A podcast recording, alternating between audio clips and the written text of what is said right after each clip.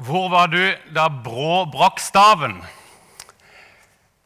Noen nyheter eller begivenheter eller hendelser de eh, gjør såpass inntrykk på oss at vi husker akkurat hvor vi var når det skjedde. Kanskje kan vi til og med huske hva vi holdt på med å gjøre. Det kan være ting som skjedde på privaten, altså som bare du vet om, eller, eller familien din eller deg i den nære omgangskretsen. Det var noe som skjedde, og så Jeg husker akkurat hvor henne var når, når det skjedde, det der. Eller det kan være noe som er blitt litt mer sånn kollektivt, sånn som dette her med Brå. Som brakk staven. En sportsbegivenhet, et, et høydepunkt. Noe flott, fantastisk. Men det kan jo òg være veldig tragiske ting som skjer. Og så husker vi akkurat hvor vi var. Hvor var du f.eks. da det tragiske skjedde i Oslo og på Utøya 22.07.2011? Jeg husker hvor henne var. Det kan være verdensbegivenheter. Hvor var du da Berlinmuren falt? Eller hvis du er noen år eldre enn meg, hvor var du da Neil Armstrong gikk på månen? Nyheter, begivenheter, som har gjort såpass inntrykk på oss at vi husker akkurat hvor vi var. Johannes, Jesu disippel, han visste nøyaktig og henne han var da han opplevde det som han beskriver i dagens tekst. For det hadde skjedd noe veldig, veldig viktig i livet hans. Det hadde skjedd noe som gjorde at han kunne si 'Jeg tror på Jesus'. Jesus hadde åpenbart sin herlighet med å gjøre vann til vin, og disiplene hans trodde på han, står der i vers 11. Jesus hadde åpenbart sin herlighet, og det skjedde i et bryllup. Et helt vanlig bryllup i en liten landsby i Galilea som heter Kana. Hvem sitt bryllup det var, det står det ingenting om i teksten. Men Jesu mor var der. Og Jesus og disiplene hans eh, var også invitert. Jesus gjorde et tegn som resulterte i at festen ble redda. Samtidig så skjedde det noe som var mye større enn det. Gjennom det som skjedde, så åpenbarte Jesus sin herlighet. Og disiplene trodde på han. Vi skal si mer om det som skjedde, om Maria, om Jesus og vinen. Men først det er sånn som Kari sier, vi er i åpenbaringstida. Og i Misjonssalen så har vi en prekenserie som vi har kalt 'Hvem er Jesus?' Og Hovedformålet er å forsøke å peke på de ulike på noen av de ulike sidene med hvem Jesus er. Og I dag så er vi i Johannes evangeliet kapittel 2, og vers 1-11. Og Johannes han har en helt klar agenda når han skriver evangeliet sitt. Og Det jeg tenker kan være greit å ha i bakhodet når vi enten leser Johannes evangeliet eller skal tale over en tekst fra Johannes evangeliet. Vi kan lese om den agendaen i eh, Johannes 20, vers 30 og 31. Jesus gjorde også mange andre tegn for øynene på disiplene. Tegn som det ikke er skrevet om i denne boken. Men disse er skrevet ned for at dere skal tro at Jesus er Messias, Guds sønn, og for at dere ved troen skal ha liv i hans navn. Johannes har en hensikt med å skrive. Han har en hensikt med å fortelle om det Jesus gjorde, fortelle om de tegnene som Jesus gjorde. For i dag så har vi hørt om et tegn. Tegnene er under. De er mirakler, men de er mer enn det. De er tegn, tegn som viser utover seg sjøl, utover selve underet og utover selve mirakelet. Tegn som forteller oss noe om hvem Jesus er. Tegn som har til hensikt å skape tro. Tro på at Jesus er Messias, Guds sønn, og for at vi ved troen skal ha liv i hans navn. Liv. Det som var fra begynnelsen, sier Johannes i 1. Johannes brev. Det vi har hørt, det vi har sett med egne øyne, det vi så og som hendene våre tok på, det forkynner vi, livets ord.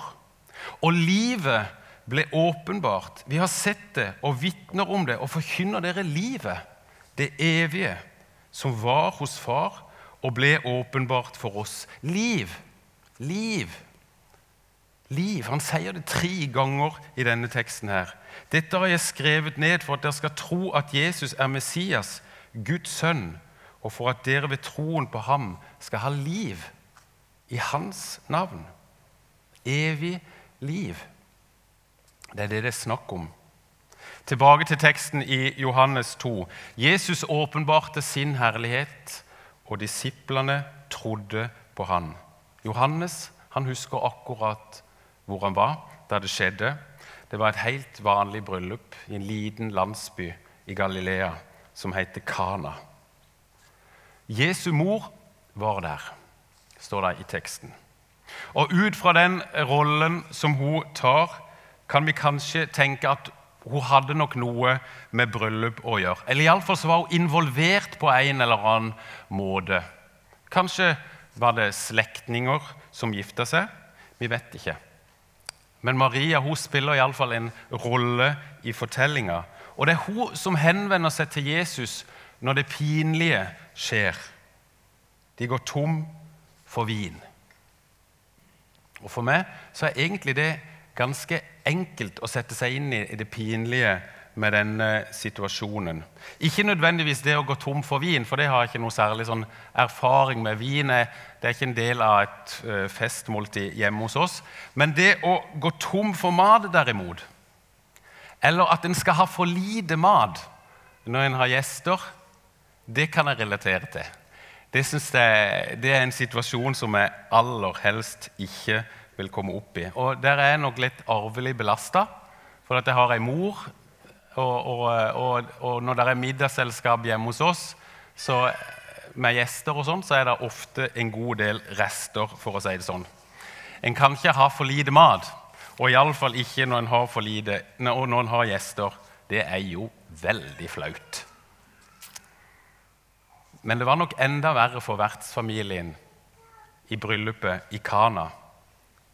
Det at det ikke var nok ja, det kunne få folk til å tenke at de var fattige, eller at de var gjerrige, eller at de ikke var tilstrekkelig gjestfrie.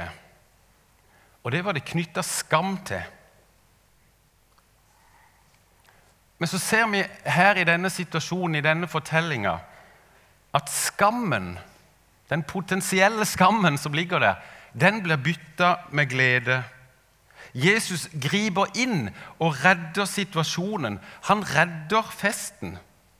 Det blir ingen skamsituasjon. Festen og gleden fortsetter. Jesus dekker på en måte over skammen. Det er kanskje ikke noe hovedpoeng i teksten.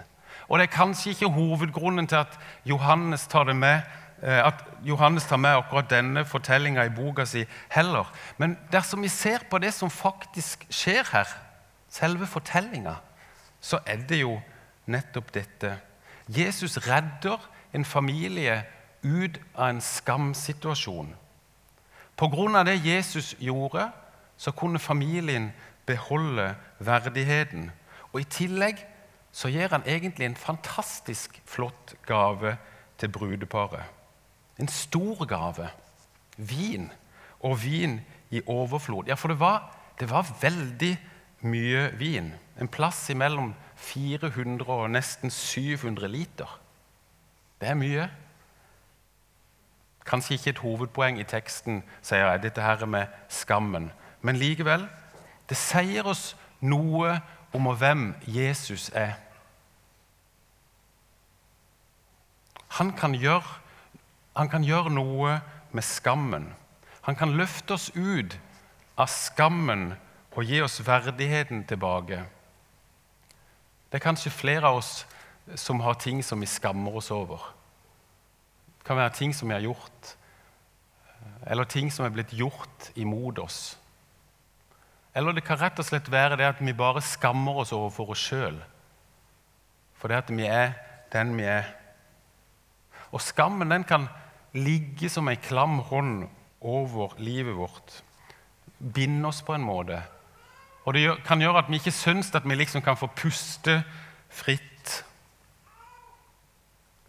Vi så hans herlighet, sier Johannes om Jesus i Johannes 1,14. En herlighet som den enbårne sønn har fra sin far, full av nåde og sannhet. Jesus vet sannheten om meg. Jesus vet sannheten om det. Og han kjenner til akkurat det som er vanskelig. Han kjenner skammen. Han er full av sannhet, og det er ingenting som er skjult for han. Men samtidig så er han også full av nåde. Han kan løfte et menneske ut av skammen og gi det verdigheten tilbake. Vi ser det mange ganger i evangeliene. Og vi vet det imellom oss og ja, åssen det er. Jesus kan det. Han kan løfte mennesker ut av skammen og gi verdigheten tilbake. Han kan bytte ut skam med verdighet, bytte ut skam med glede. Han kjenner det. Han kjenner skammen din, og så elsker han det. De har ikke mer vin. Det var det som var Marias bønn til Jesus. Og det er en bønn. Hun hadde et håp og en tillit til Jesus, og at han kunne gjøre noe med situasjonen. Det ser vi av fortsettelsen. For hun fortsetter med å si til tjenerne det han sier til dere, skal dere gjøre. Jesus han er ikke avhengig av at vi foreskriver han hvordan han skal gripe inn. Men ofte så gjør vi det. Nå ser du den og den situasjonen, Jesus. Kunne ikke du bare gjøre sånn og sånn? Og så hadde det greit om, vært greit om det og det skjedde. De har ikke mer vin, sa Maria. Og viste at hun hadde en tillit til Jesus. Og det var nok. I Matteus 6 så snakker Jesus om bønn. Og Han sier at hedningene tror at de blir bønnhørt med å bruke mange ord.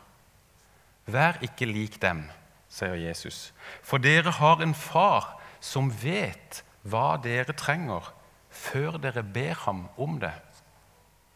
Gud vet. Kanskje går du og bærer på noe for tida, ting som du kjemper med i livet ditt. Eller kanskje det er andre som ligger særlig på det. Du føler at du kjemper og ber.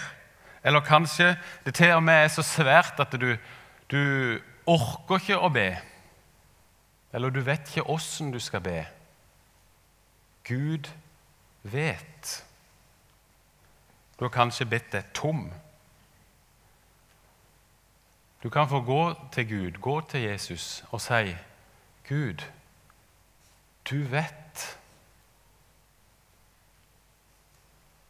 Og så kan det gå an å finne hvile i det.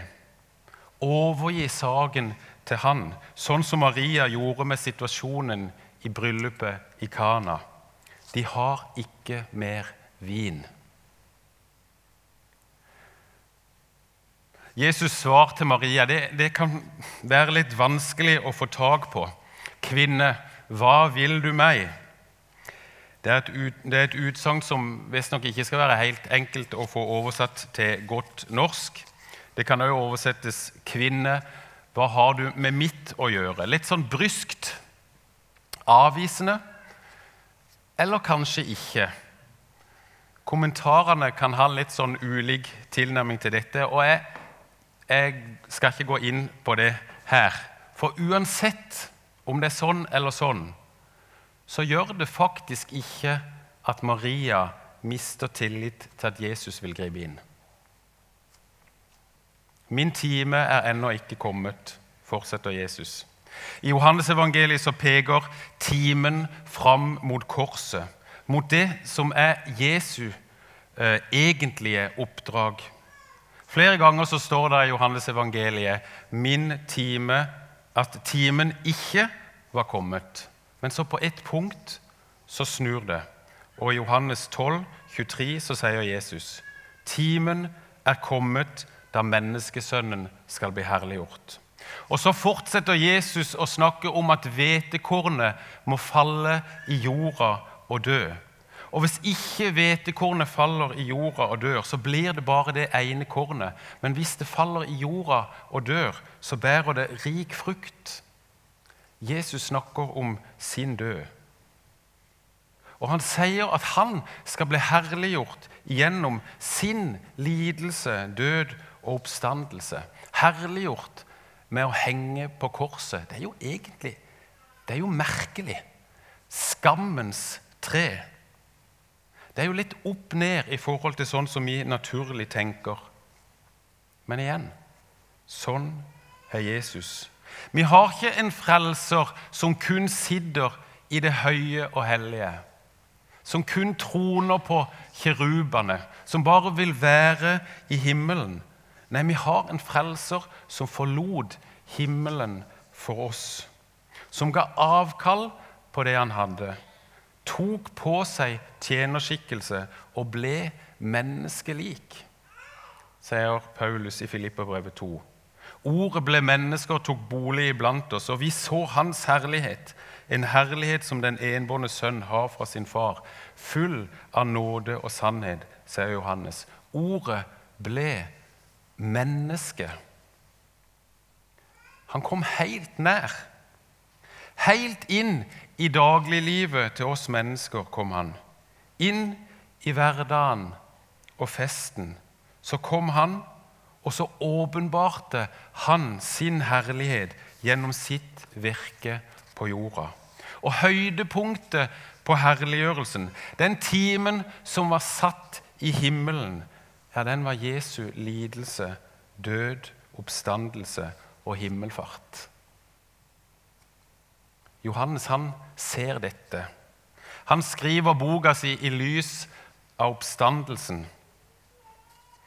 I bryllupet i Kana åpenbarte Jesus sin herlighet, og vi trodde han. Jesus han ber tjenerne om å øse opp vann i de seks vannkarene som står der. Karene rommer, rommer en plass mellom 400 og nesten 700 liter, sånn som jeg sa. Og så ber han tjeneren om å øse opp og gå til kjøkkenmesteren for at han skulle smake. Og så skjer forvandlinga. Vannet blir til vin. Ja, til den beste vinen. Hvem er det vi ser i aksjon her? Jo, det er han som det står om. Han talte, og det skjedde. Han bød, og det sto der. Det er skaperen. Det er han som kan tale liv der det ikke er noe liv fra før. Gud av Gud, som òg ble menneske. For vår skyld. Forvandlingen. Jesus han har noe forvandlende ved seg. Og det tenker jeg at vi kan ta med oss ifra dagens tekst. Han forvandla situasjonen i bryllupet fra skam til ære. Han forvandla det som kunne ha blitt en tragedie for brudefolket, til en fest med glede og liv. Det Jesus rører med, det Jesus har befatning med, det skjer det noe med og han kan røre med oss òg. Kanskje er det ikke så rart egentlig at Jesus valgte et bryllup når han skulle gjøre sitt første under. Det gamle testamentets bryllupsmotiv henspeiler på den messianske tid. Og Det gamle testamentets klareste uttrykk for glede i den siste tida er nettopp overflod av vin. Og det må en jo i sannhet si at det var her. Det var overflod. Flere hundre liter. Det er overflod. Det er ikke noe gjerrig med det, og det må jo være et poeng. Det skal ikke mangle på noe når Messias kommer. Iallfall ikke i fullendelsen. Han skal sette alle ting i rette stand. Han skal gi liv og overflod. Bibelen snakker om nåde over nåde, og at begeret flyter over. Himmelriket er kommet nær, forkynte Jesus, og for så vidt døperen Johannes òg. Himmelrikets krefter var i gang på jorda i og med Jesu komme. Han hadde steget ned, og med seg hadde han himmelriket. Ikke sånn som det skal bli en gang, i fullendelsen, når Gud skaper en ny himmel og en ny jord. Men himmelrikets krefter var på gang i verden ved at Gud hadde steget ned og blitt en av oss. Ved at Gud kom helt nær, helt inn i et bryllup i Kana. Og helt ned til oss som er samla i misjonssalen i dag. Gud har kommet oss helt nær i sin sønn Jesus for å kunne gjøre oss himmelrike. Han har sagt at han er der to eller tre er samla i hans navn. Så han er her nå, i sammen med oss, helt nær. Helt nær det. Og med seg har han himmelrikes krefter og velsignelser, og han vil dele med oss. Ikke sånn at vi får det i fullt monn nå, men vi skal få del i det. Og vi skal få smake på det og starte med å leve i det. En gang så skal det bli fullkomment. Det er der framme. Himmelen blir òg sammenligna og beskrevet som en bryllupsfest. Da skal det ikke mangle på noe. Men festen, den begynner her. Jesus kom for å lide og dø på et kors for våre synder. Og På den måten ble han herliggjort. I bryllupet i Kana så åpenbarte Jesus sin herlighet, og disiplene trodde på han. Det skjedde i et bryllup. Kanskje husker ikke du hvor henne du var når Brå brakk staven, og egentlig så er det ikke så veldig viktig. Men i dag så er du her. Og Jesus er her. Enda han var rik, sier Paulus om Jesus, ble han fattig for vår skyld, så vi skulle bli rike ved hans fattigdom. Festen, den begynner her. Og der er du invitert. La oss be. Herre Jesus, jeg har lyst til å takke deg for at du kom. Takk for at du kom og ville være vår frelser og vår bror. Og Herre, nå ber jeg om at du må gjøre det under. At du åpenbarer din herlighet for oss. At vi kan få se noe mer av hvem du er. Enten du har gjort det før eller det er for første gang, så ber vi om at det må skje. Herre, takk for at du er her for at du elsker oss. Og nå ber vi om din velsignelse i fortsettelse av møtet. Amen.